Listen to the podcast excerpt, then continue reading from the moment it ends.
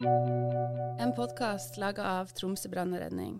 Hør alle episodene i Spotify og i appen Podkaster. På vårparten i 2010 skulle Isabel og mannen ha hjemme alene helg. De tre ungene deres skulle tilbringe helga på telttur med sine besteforeldre i Salangen, et tettsted i Troms. Salangen er en naturperle, omkransa av høye, majestetiske fjell. Den perfekte plassen å dra på tur. Men når telefonen til Isabel ringer lørdag morgen, får de beskjed om at de må komme til Tromsø. Det har skjedd ei ulykke, og det har tatt fyr i teltet. I bilen på vei til Tromsø hører de på radioen at et Sea King-helikopter har henta noen pasienter på fjellet. Foreldrene bestemmer seg for å ringe til han som hadde hytte like ved teltplassen. Naboen er i sjokk.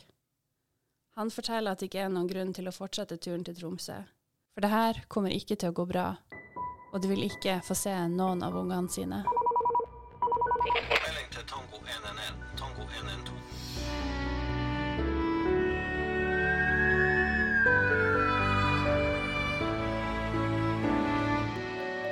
Jeg heter Linn Ramona Pettersen og er kommunikasjonsrådgiver i Tromsø brannredning. Jeg har ikke jobba som gravejournalist, men alltid interessert meg for historiefortelling. Dette er podkasten 'Når asken har lagt seg' av brannvesenet. Isabel Kvien er mor til tre barn på tolv, ni og seks år. Ei aprilhelg i 2010 dro barna på skutertur til fjells med sine besteforeldre for å overnatte i telt. Mine svigerforeldre tok med seg eh, mine tre unger og nevøen min på fire år eh, opp på fjellet, for de skulle på skutertur. De skulle sove i telt. Og eh, svigerforeldrene mine var veldig glad i å være ute i naturen. Å være på tur, det var en stor del av, av livet deres. Og ungene mine var veldig glad hver gang de fikk lov å være på tur med besteforeldrene, for det var alltid veldig spennende. Ungene mine, de, eh, de satte pris på dette, og de hadde gleda seg veldig til å fare på denne turen. Bestefar i familien jobber deltid som brannkonstabel, og var alltid nøye med å sjekke alt av utstyr før de reiste. Det gjorde han med en selvfølge denne gangen også. Dette er Tore Ratje, tidligere brannsjef i Salangen brann.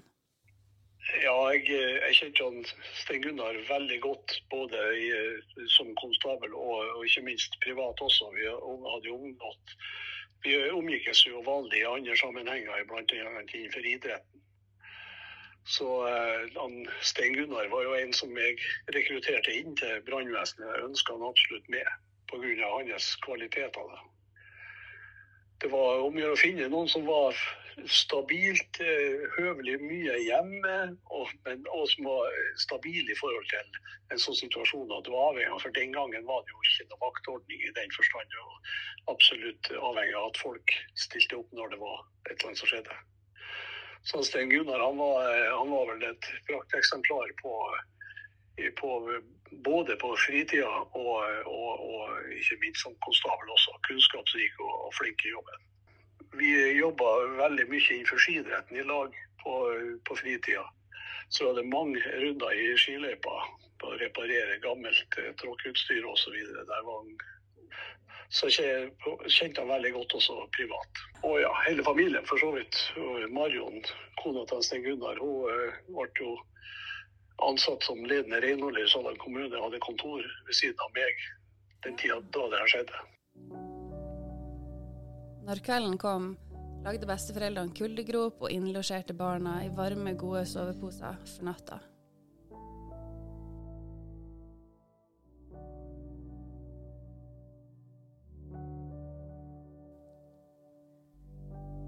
På eh, morgenen eh, i teltet så lå jo ungene i soveposene sine. De lå og snakka med besteforeldrene sine, sånn som unger ofte gjør. Våkna jo selvfølgelig tidlig den morgenen og, og lå og kosa seg. Bestefaren fant ut at uh, nå var det på tide å, uh, å starte morgenen, så han gikk for å koke kaffe. Når man er på fjelltur på vinteren, så har man gjerne alt av kokeapparater inne i teltet, fordi at det er rett og slett for kaldt å, å holde på utafor teltet. Eh, bestefaren han gikk bort dit og skulle starte kokeapparatet, men det han ikke visste, det var at det hadde vært en gasslekkasje på natta mens alle sov. Så hele teltet var fylt av propan. Det var propan i håret på ungene, i, eh, i klærne deres, i soveposene deres, overalt. Og når man er lenge på en plass der det er gass, så kjenner man ikke lukta av gass til slutt. Så når bestefaren eh, tente den fyrstikka, så tok alt fyr samtidig. Da brant soveposene deres, håret deres, klærne deres, alt. Bestefaren han eh, prøvde å, eh, å redde alle sammen ut av teltet, noe som han også klarte. Han sto og holdt teltduken oppe. Selv om han fikk alle flammene på seg, så sto han helt i ro der til alle sammen hadde klart å, å komme seg ut. Ungene har fortalt meg at de var veldig redde. Eh, men samtidig så hadde de besteforeldrene sine der, og det var jo to av de mest trygge personene i livet deres. Så jeg har ikke hatt inntrykk av at de var så redde at dette var uoverkommelig for dem. De klarte å stå i det, i lag med besteforeldrene sine. De kom seg ut. Ungene skreik, det gjorde jo selvfølgelig fryktelig vondt. Så det var jo en, en stor påkjenning for, for ungene å, å være gjennom noe sånt. Og de ble sittende i snøen der, spille naken med åpne sår, brannskadd.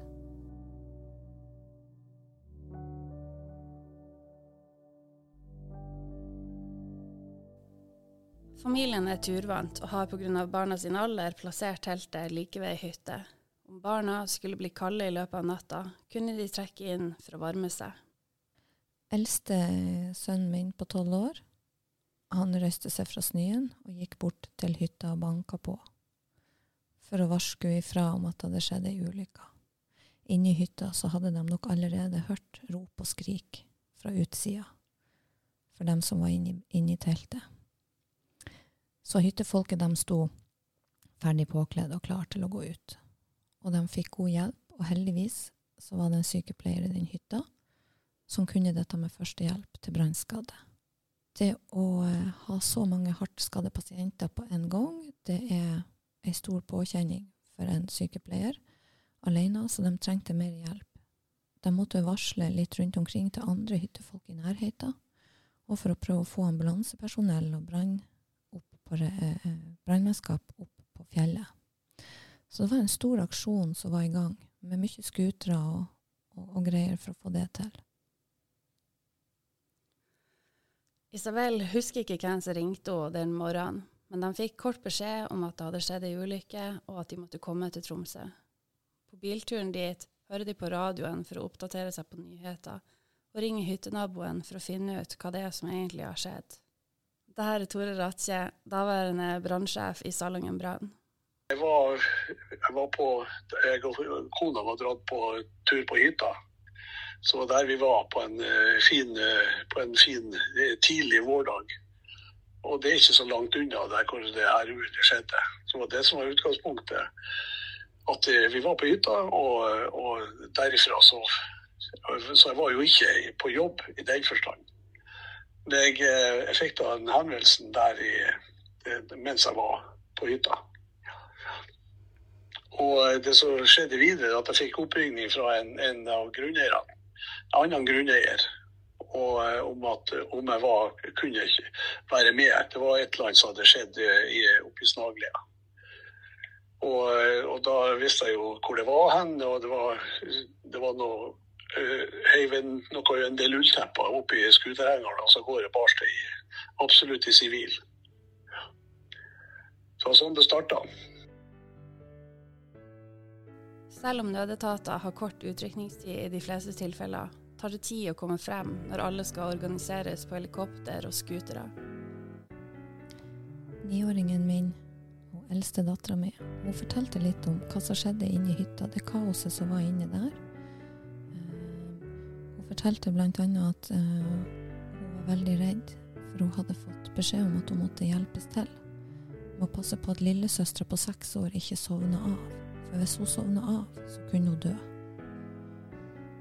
Og niåringen min var veldig redd, hun, hun, hun gråt hele tida. Hun satt med teppet på seg og gråt. Og i yttergangen i hytta, der lå hans svigerfar. Han var selvfølgelig mest brannskadd av alle, og hadde jo problemer med å puste. Så eh, hun sa det at eh, hun huska at han røyste seg fra gangen og kom til henne, og så skulle han trøste henne. Men når han la handa opp på teppet hennes, så måtte hun lukke øynene, for det var så mye blod på den handa hans at hun klarte ikke å se på det, og da begynte hun å gråte enda mer.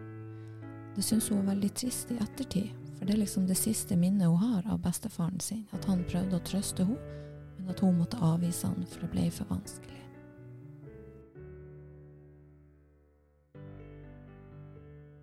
Så jeg kom opp dit, så var det jo eh, ganske surrealistisk, det som, det som møtte meg der oppe.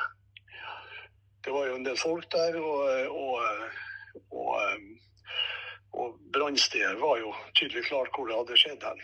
Og det var, ja, det var nesten surrealistisk, sånn som det så ut der oppe når, når, vi, når vi kom dit. De var jo plassert på forskjellige plasser det, det, var jo også eh, ambulansepersonell der, folk, folk som jobba i ambulansen, som også var i nabohytta som var der. og De hadde gjort eh, prioritering av det her osv. Og, og, eh, og, så jeg fikk jo et lite overblikk over det her. Og så ute i gangen satt han Sten Gunnar på en, på en krakk i trusa. Og, og det, det, var et syn som sett spikra. Det var ikke noe med all den forbrenninga som han hadde. Og da hadde jo han jobba for, for, å få alle i hus der. Så det var Jeg spurte han hvor det merkelig nok merkelige spørsmål, jeg husker meg sier hvor det går. Det her skal gå bra. Og så så jeg bare at han så på meg, og han så meg, men eh, det var ingen annen reaksjon.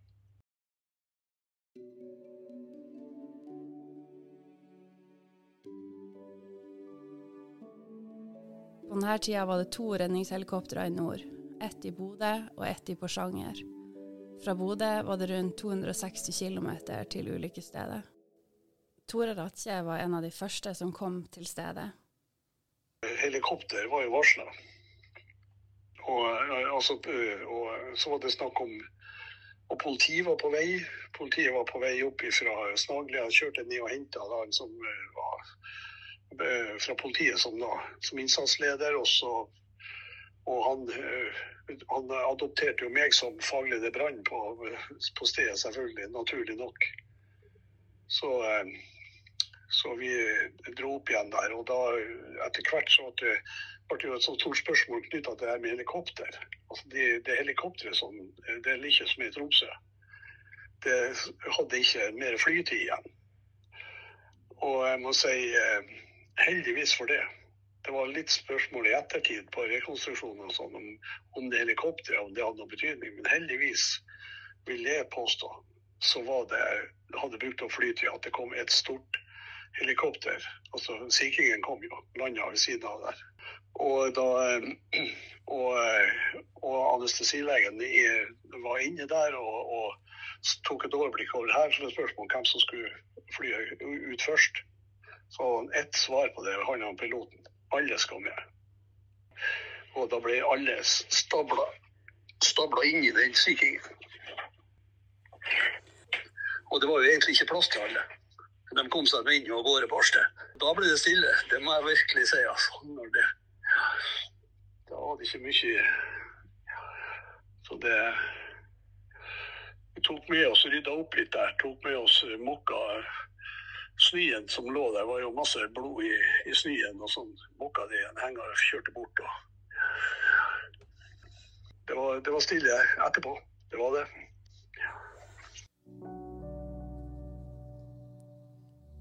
For oss i brannvesenet slutter ofte historien der. Vi vet sjelden og aldri hvordan det går med de forulykka når ulykka er over. I Tromsø sitter mannskapet og ser på hva som skjer i Salangen. Ulykka dekkes av de fleste TV- og mediekanalene.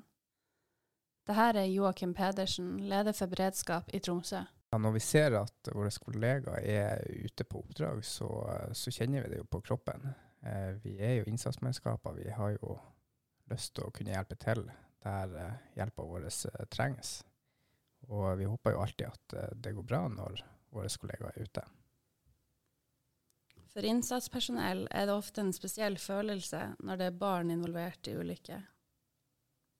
Vi øver jo og trener på å redde liv, og vi er jo vant til å bli utsatt for risiko. Når det er barn inne i bildet, så opplever vi jo at vi strekker oss eh, enda lengre for å gjøre det som vi kan gjøre. Eh, våre barn er jo framtida. I nord er det geografisk lengre avstand mellom by og bygd.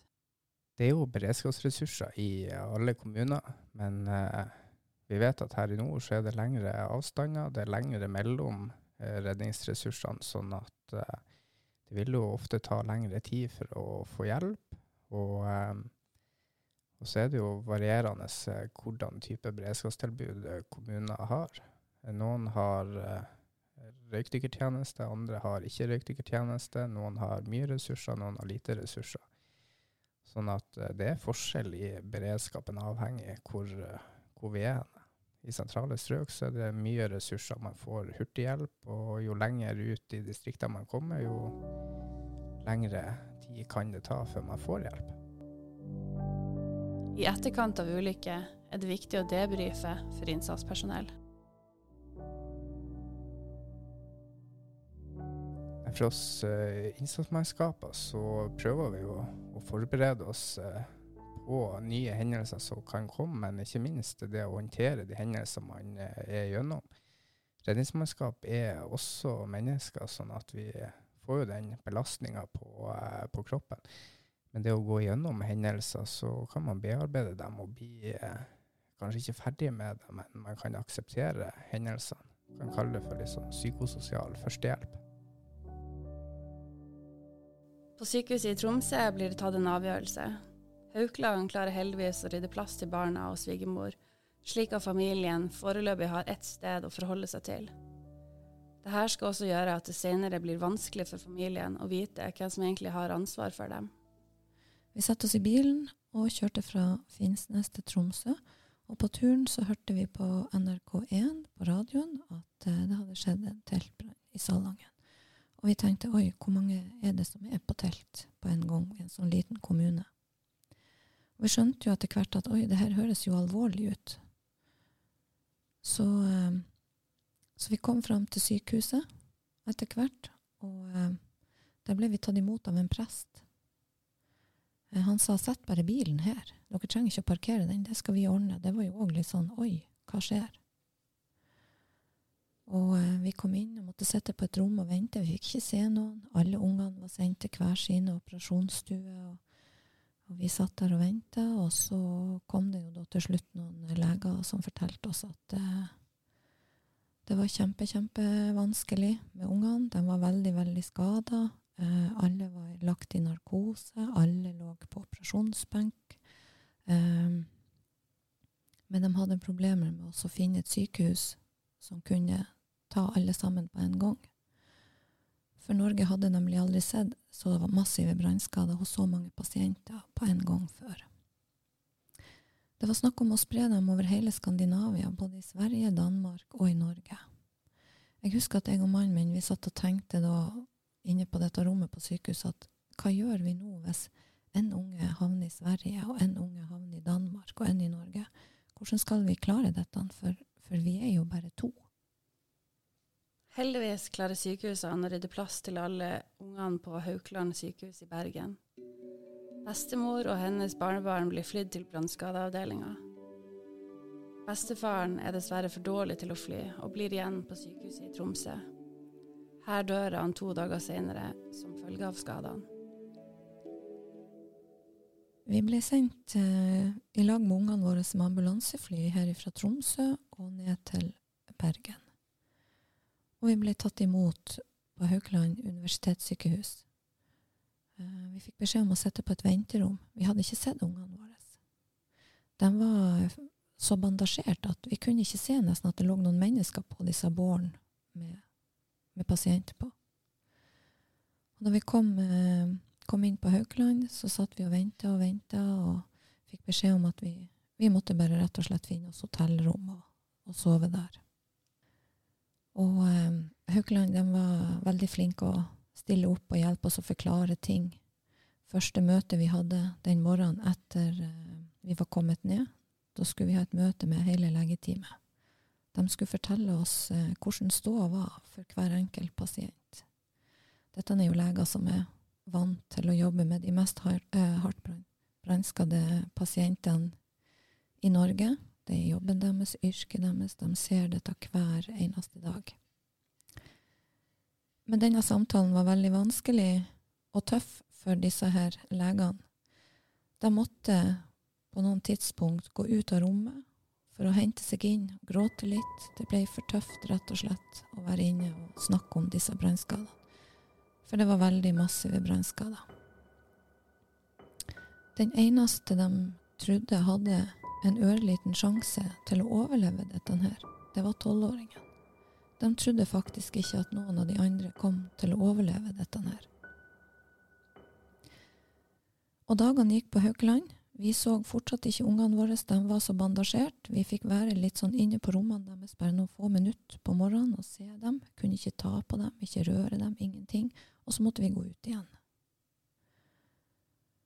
Og etter noen dager så eh, tok Haukeland en avgjørelse om å sende de to mest hardt skadde pasientene til et spesialsykehus for brannskadde barn i USA i Boston, Massachusetts. Der har de et sykehus som heter Shriners Hospital for Children. De valgte å sende de to mest hardt skadde pasientene. Og det var yngste dattera mi på seks år og nevøen min på fire år. De leide inn et sveitsisk ambulansefly med eget legecrew om bord og sendte dem over.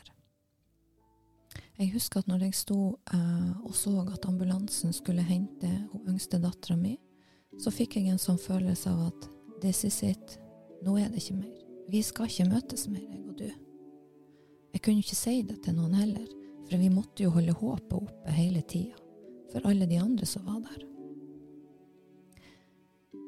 Men hun reiste av gårde til Amerika, og på flyturen over så fikk hun veldig høy feber for hun fikk en infeksjon i kroppen. Noe som er dessverre altfor vanlig for dem som får eh, brannskader. For huden er ødelagt, og bakteriene kan lett komme til i sårene. Hun fikk så høy feber at hun skada de indre organene sine. Så da hun var kommet fram til sykehuset i USA, ca. et par timer etter ankomst, så døde hun av ei massiv blødning i lungene.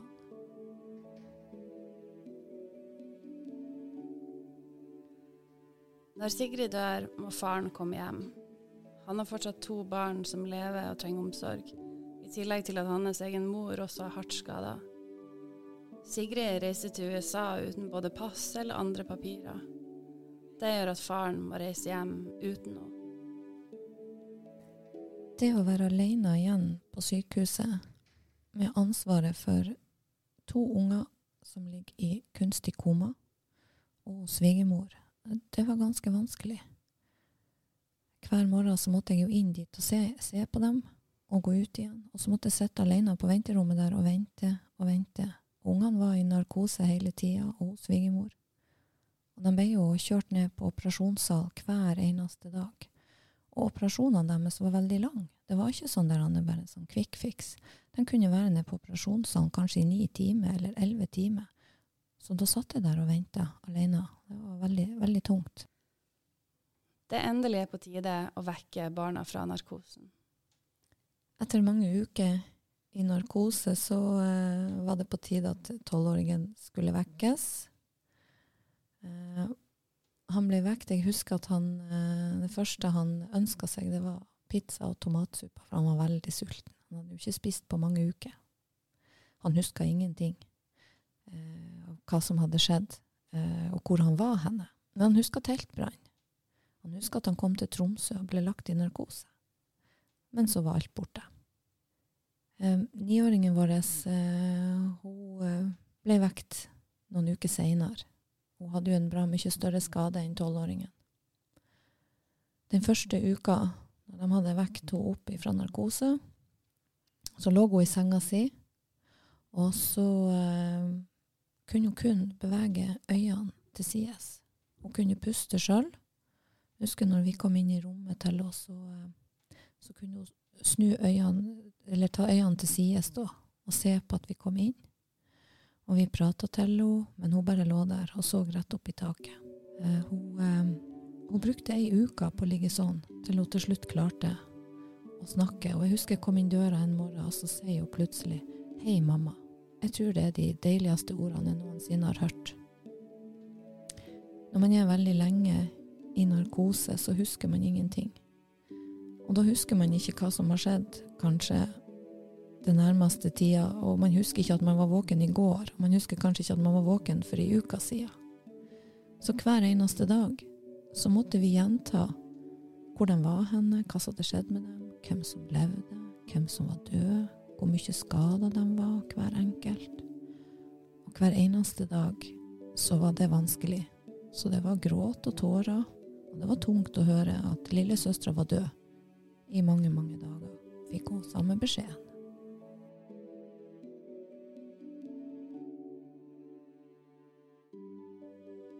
Hos svigermor ble hun til slutt også vekt av eh, narkose. Hun var jo selvfølgelig mye eldre enn disse barnebarna sine. Så det å, eh, å huske ting, det tok enda lengre tid. Hun husker bare at de for på telttur. Og så husker hun ikke noe mer. Husker ikke brann, husker ikke noe på sykehuset eller inne i hytta. Og når hun ble vekt av narkose, så brukte vi nesten en hel måned på å fortelle henne hver eneste dag hvor hun var henne, hvem som var der, hvorfor hun var der, hvor mye skada hun var. Vi måtte fortelle henne hver eneste dag at mannen hennes var død. Hun gikk inn i like stor sorg hver eneste dag når vi fortalte dette her. Hun måtte fortelle at yngste jentebarnebarnet hennes på seks år var død. Det var kjempevanskelig for henne. I Salangen følger de som deltok på hendelsen, fortsatt med på hvordan det går med de involverte. Det, det er klart at En sånn hendelse så der, det påvirker sånt samfunn som Salangen. Alle var, alle var Det var veldig mange som var involvert og berørt av det her. Så det var ja, hele bygda bare, bare prega av det. For de var jo markant i, i, bygda, begge, både Marion og Stein Gunnar. Så det, det, det gjorde inntrykk. Og, og, for meg også så var jo det her selvfølgelig et, noe helt spesielt. Etter med to, over 20 år som brannsjef, og kanskje i brannkorpset 30 år til sammen, så er det vel ikke noe mange som opplever i en karriere en sånn historie som det der. Heldigvis. Altså, jeg har jo, jo sjøl barnebarn ikke sant, i, i, så, som, i, i oppveksten oppi der, og jeg tenkte med meg sjøl at Tenk hvis at du tar med deg alle barnebarna dine og skal ut og ha en kjempekoselig opplevelse for å trene seg på vintercamping, og så smeller det. Det er helt Det det er uvirkelig.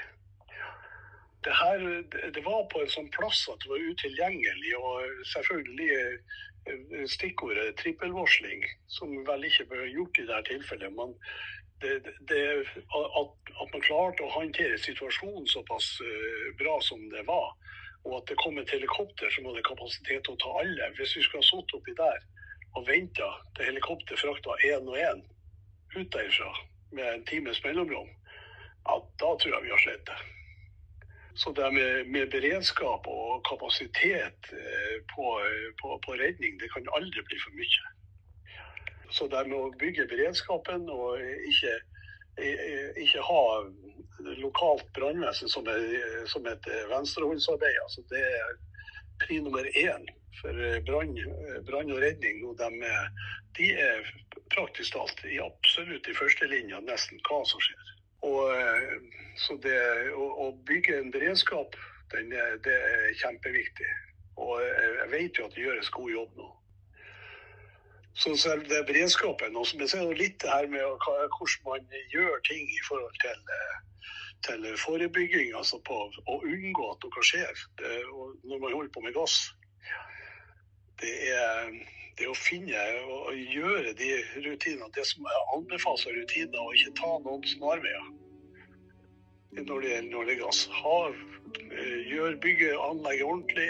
Sørg for å ha kontrollutstyr som virker, og alarmer som virker. Isabel og familien flytter hjem, livet er ikke det samme lenger. Sigrid er borte, og de to barna trenger tilsyn og omsorg døgnet rundt. Hjemmetjenesten hjelper familien med sårstell hver eneste dag, både morgen og kveld. Da vi kom hjem til Finnsnes, så kom vi jo med til et hus med tre etasjer og masse trapper. Vi hadde en tolvåring og en niåring som ikke hadde lært å gå ordentlig ennå. Så vi måtte bære dem imellom etasjene. Og de hadde jo ikke fått hud på alle plassene på kroppen ennå. De hadde fortsatt store sårflater som ikke hadde hud. Og den huden de hadde fått på Haukeland, den var som vått sigarettpapir eller vått toalettpapir. Hvis man tok litt på det, så reiv den seg sund og ble nye sår. Så hver gang vi skulle ta i dem for å løfte dem, så fikk de nye sår. Det var veldig smertefullt. Og eh, vi hadde jo to fulltidspasienter. De måtte ha hjelp til alt, til å gå på do, til å røyse seg, osv., osv. Når vi skulle ta sårstell på dem hver morgen og kveld, så eh, prøvde jeg og mannen min først å, å klare dette her alene, men det gikk bare et par uker, så boka vi under og kjente at vi må ha profesjonell hjelp. Så eh, vi kontakta hjemmetjenesten i kommunen, og eh, vi fikk hatt litt opplæring på dem, sånn at de kunne hjelpe oss med disse stellene. Og stakkars han mannen som kom fra hjemmetjenesten den første dagen og trodde at han skulle bare inn og gjøre et lite sårstell, og så skulle han fare videre på jobben sin. Han ble der hele dagen. Han dro ned tilbake til jobb og tok lunsj, og så kom han tilbake etter lunsj og fortsatte. Så han brukte hele arbeidsdagen sin på å gjøre sårstell på begge ungene, for så omfattende var det. Og det å stelle eh, sår, man må jo være veldig nøye for å unngå bakterier og infeksjoner. Så det var veldig viktig at dette ble gjort helt riktig til enhver tid. Daværende brannsjef Tore Ratje ringer til bestemora på høsten. Jeg husker hun, jeg var jo hennes eh, nærmest overordnede sjef, for å si det sånn. Med at jeg også var teknisk sjef i tillegg til at jeg var, var, var, var brannsjef. Så, eh, så, ringte jeg henne da hun lå på sykehuset på Haukeland. Ringte jeg henne tidlig på høsten eh, der. Og da var hun sikkert passelig nevedot, og, og så hadde jeg et spørsmål til henne. Når kommer du tilbake på jobb? Og da svarte hun i januar. Og det etterpå så sier hun hun husker ikke at jeg hadde prata med meg engang. Men, hun, men hun, hun, kom på jobb i januar. Fantastisk nok.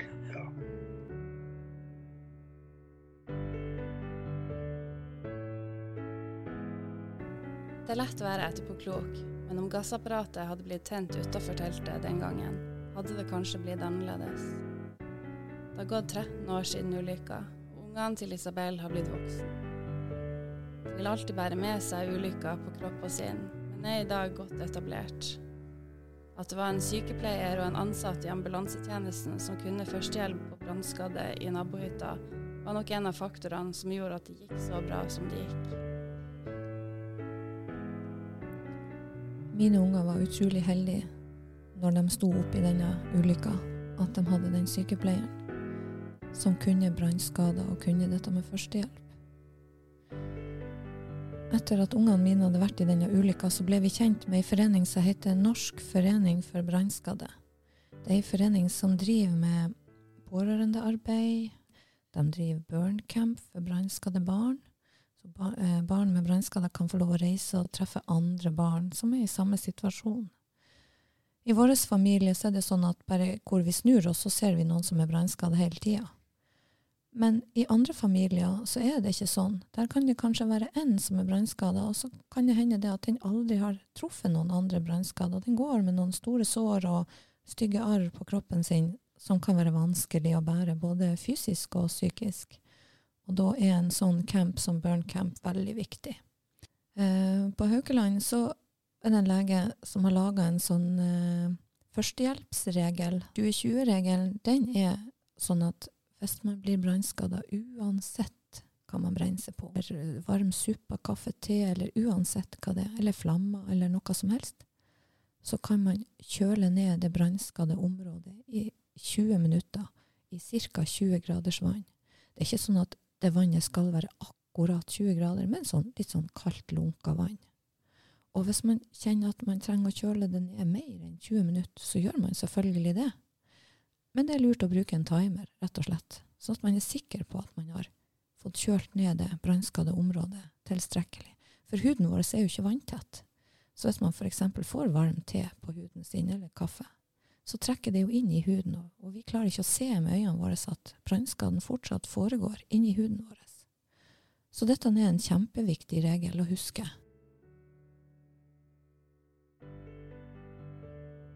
Hvis du vil høre flere historier fra brannvesenet, kan du abonnere på podden Når asken har lagt seg av brannvesenet. Det kan du gjøre ved å trykke abonner-knappen i podkastspilleren, eller hvis du hører gjennom andre plattformer, kan du følge lenka i beskrivelsen til episoden. Hvis du kjenner noen du tror vil like det vi lager, blir vi veldig takknemlige om du tipser dem om vår podkast. Har du kommentarer til serien eller spørsmål til oss og våre gjester, kan du kontakte oss på Instagram-sida Når asken har lagt seg av brannvesenet. Har du innspill til andre historier vi kan fortelle, send oss et tips til lrp.tromso.kommune.no.